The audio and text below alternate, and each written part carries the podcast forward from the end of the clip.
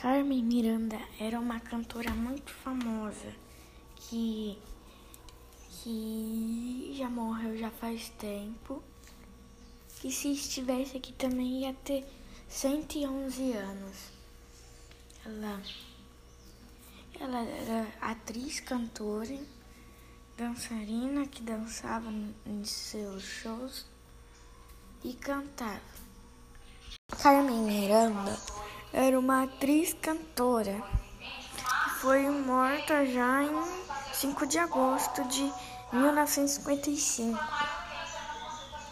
Ela era um símbolo, fazia de um símbolo baiano, usava argolas e frutas na cabeça, babados na roupa e etc.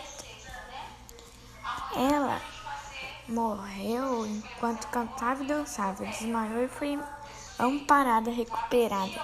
Terminou sua apresentação de volta para casa em Los Angeles e foi para seu quarto.